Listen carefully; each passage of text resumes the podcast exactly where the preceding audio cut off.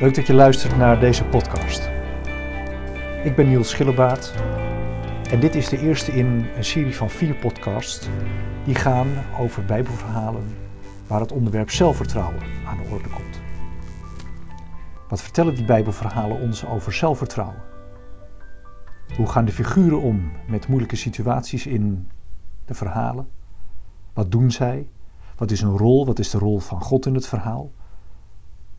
Kortom, we duiken in de teksten en we gaan kijken hoe we daarin de betekenis van zelfvertrouwen kunnen vinden. In deze eerste podcast zullen we met elkaar het verhaal lezen van Mozes die naar de farao gaat. En die, zo krijgt hij als opdracht mee van God, moet vragen om het volk vrij te laten. Als je zelf dit verhaal wilt lezen, dan kun je het terugvinden in Exodus 3 en Exodus 4. We beginnen bij Mozes bij deze serie, omdat Mozes een van de leidende figuren uit de Bijbel is. Hij is de man die het volk Israël, dat in slavernij leeft in Egypte, bevrijdt. Of eigenlijk doet hij dat niet zelf, maar God is degene die het volk bevrijdt en hij is degene die namens voor met God dat gaat doen. Nou, dus het volk eh, Israël is uh, tot slavernij gemaakt, leeft in Egypte. En het verhaal uh, begint dat de farao had bevolen om alle jongetjes van dat Hebreeuwse volk te doden.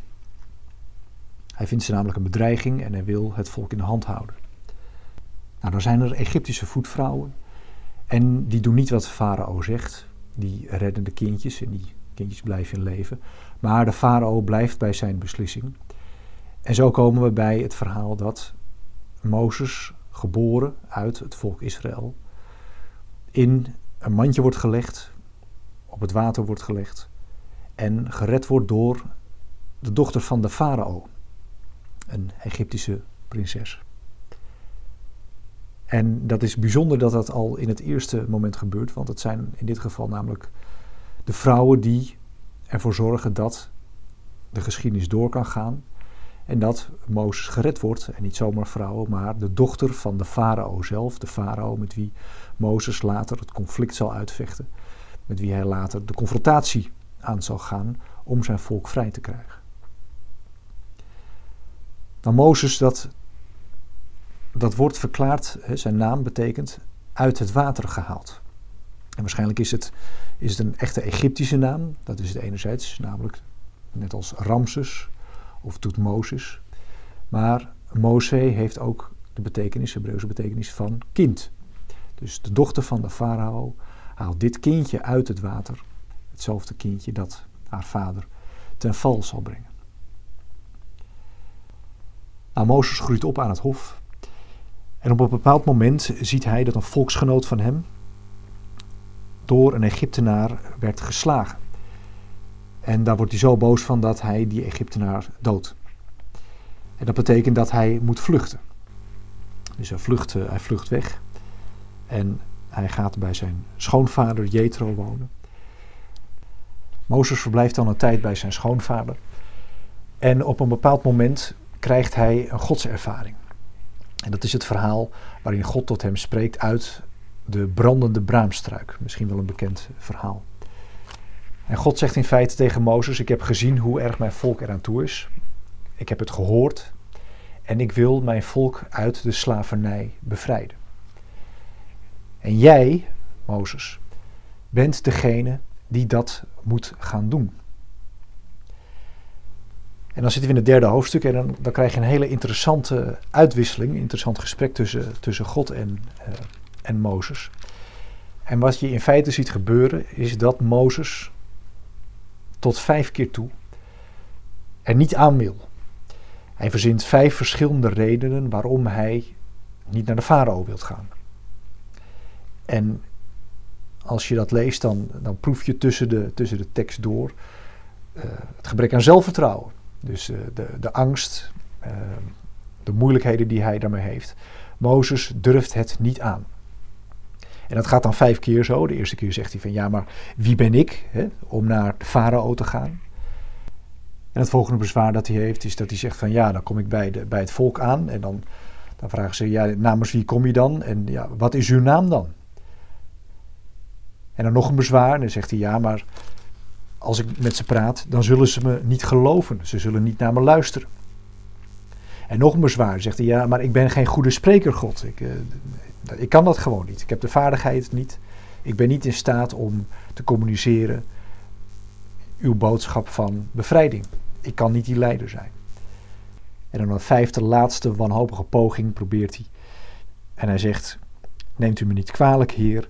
Stuur toch iemand anders wie u maar wilt. Nou, dus Mozes heeft niet het zelfvertrouwen om te doen wat God van hem vraagt, om naar de farao te gaan. Nou, Mozes zit dus met die, met die vijf tegenwerpingen, met die, met die vijf vragen. En God geeft daarop antwoord. En bij de eerste tegenwerping, waarbij Mozes zegt: Ja, wie ben ik dat ik naar de farao zou gaan en de Israëlieten uit Egypte zou leiden, zegt God: Ik zal met je zijn. Nou, deze belofte van God dat hij met Mozes is en dat hij met de mensen is, die belofte die zit zelfs verscholen in de naam van God zelf. Want bij het tweede bezwaar, als Mozes zegt: Stel dat ik naar de Israëlieten ga en zeg dat God, dat u mij gestuurd heeft, wat is dan de naam van u? Hoe heet u? En dan zegt God: Mijn naam is Ik zal er zijn.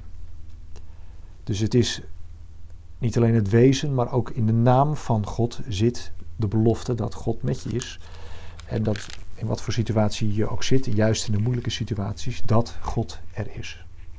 Nou, en waar de eerste twee bezwaren nog gingen over het gezag van God, gaan de derde, vierde en vijfde bezwaren over het gezag van Mozes zelf. En de derde bezwaar is dat Mozes tegen God zegt: Ja, maar als ik bij het volk kom, dan zullen ze me vast niet geloven. Ze zullen niet naar me luisteren.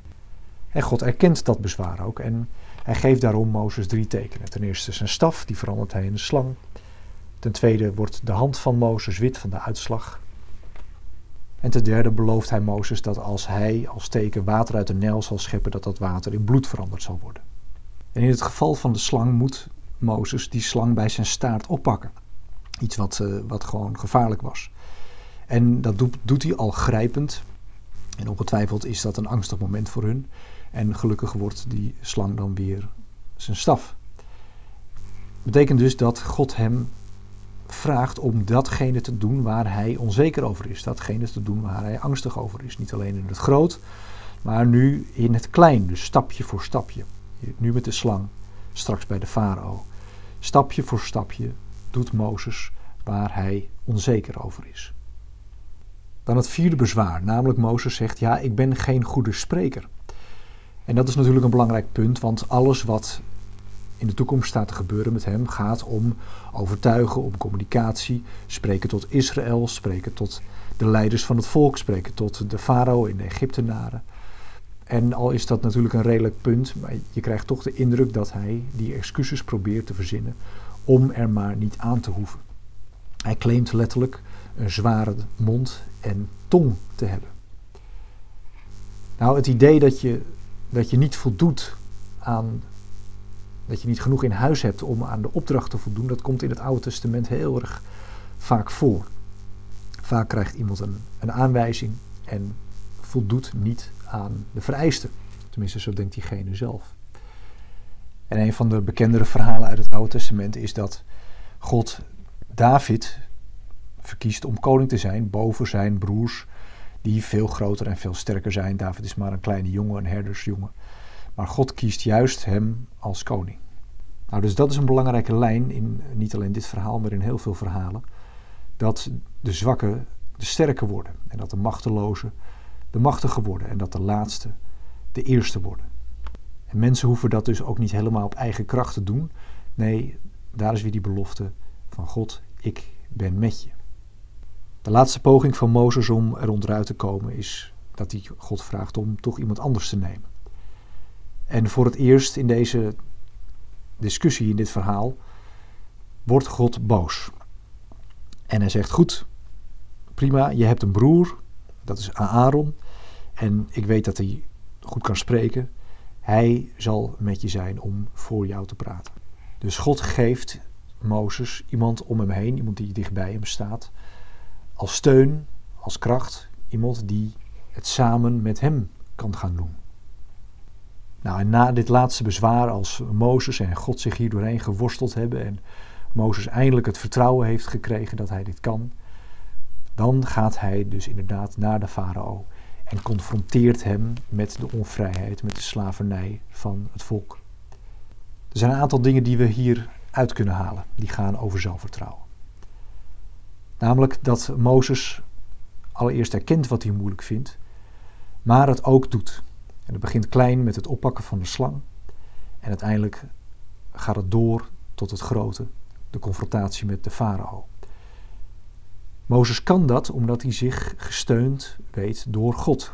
God is bij hem. Zo is God, zo is ook zijn naam. Ik zal er zijn. Dus God is met Mozes, juist op die momenten dat het ertoe doet. God geeft hem het zelfvertrouwen om te spreken, de, vaardigheid. En God geeft hem zijn broer Aaron, iemand die dicht bij hem staat, als hij dat zelf niet kan, dat spreken. Nou, en doordat Mozes het vertrouwen heeft dat God met hem is, gaat hij het ook doen. En omdat hij het gaat doen, te beginnen bij de slang, krijgt hij langzaamaan de vaardigheden die nodig zijn om ook leider van zijn volk te zijn. En des te meer vaardigheden hij zal opdoen, des te meer zelfvertrouwen hij zal krijgen. Zo begint het bij God. En dan kost het misschien veel overtuigingskracht om datgene te doen wat nodig is. Uiteindelijk kiest Mozes er vrijwillig voor, nadat hij al zijn moeilijkheden heeft overwonnen, al zijn bezwaren heeft uitgesproken, om het toch te doen. En zo kunnen we hier een aantal bouwstenen voor zelfvertrouwen in vinden. Namelijk vrijwillig datgene aangaan wat je aan moet gaan. De confrontatie aangehen met, aangaan met de, met de farao's in je eigen leven, om het zo maar te zeggen. Om te doen wat moeilijk is. Juist datgene waar je tegenop ziet, juist dat moet je aangaan. Zo help je niet alleen mee aan je eigen bevrijding, maar ook aan de bevrijding van anderen om je heen. En vervul je je bestemming hier op aarde. En dat kun je doen omdat je weet dat God altijd met je is. Dit was de eerste podcast over zelfvertrouwen. De podcast van volgende week zal gaan over het zelfvertrouwen van de figuur van Esther, die het Joodse volk redt met haar moed.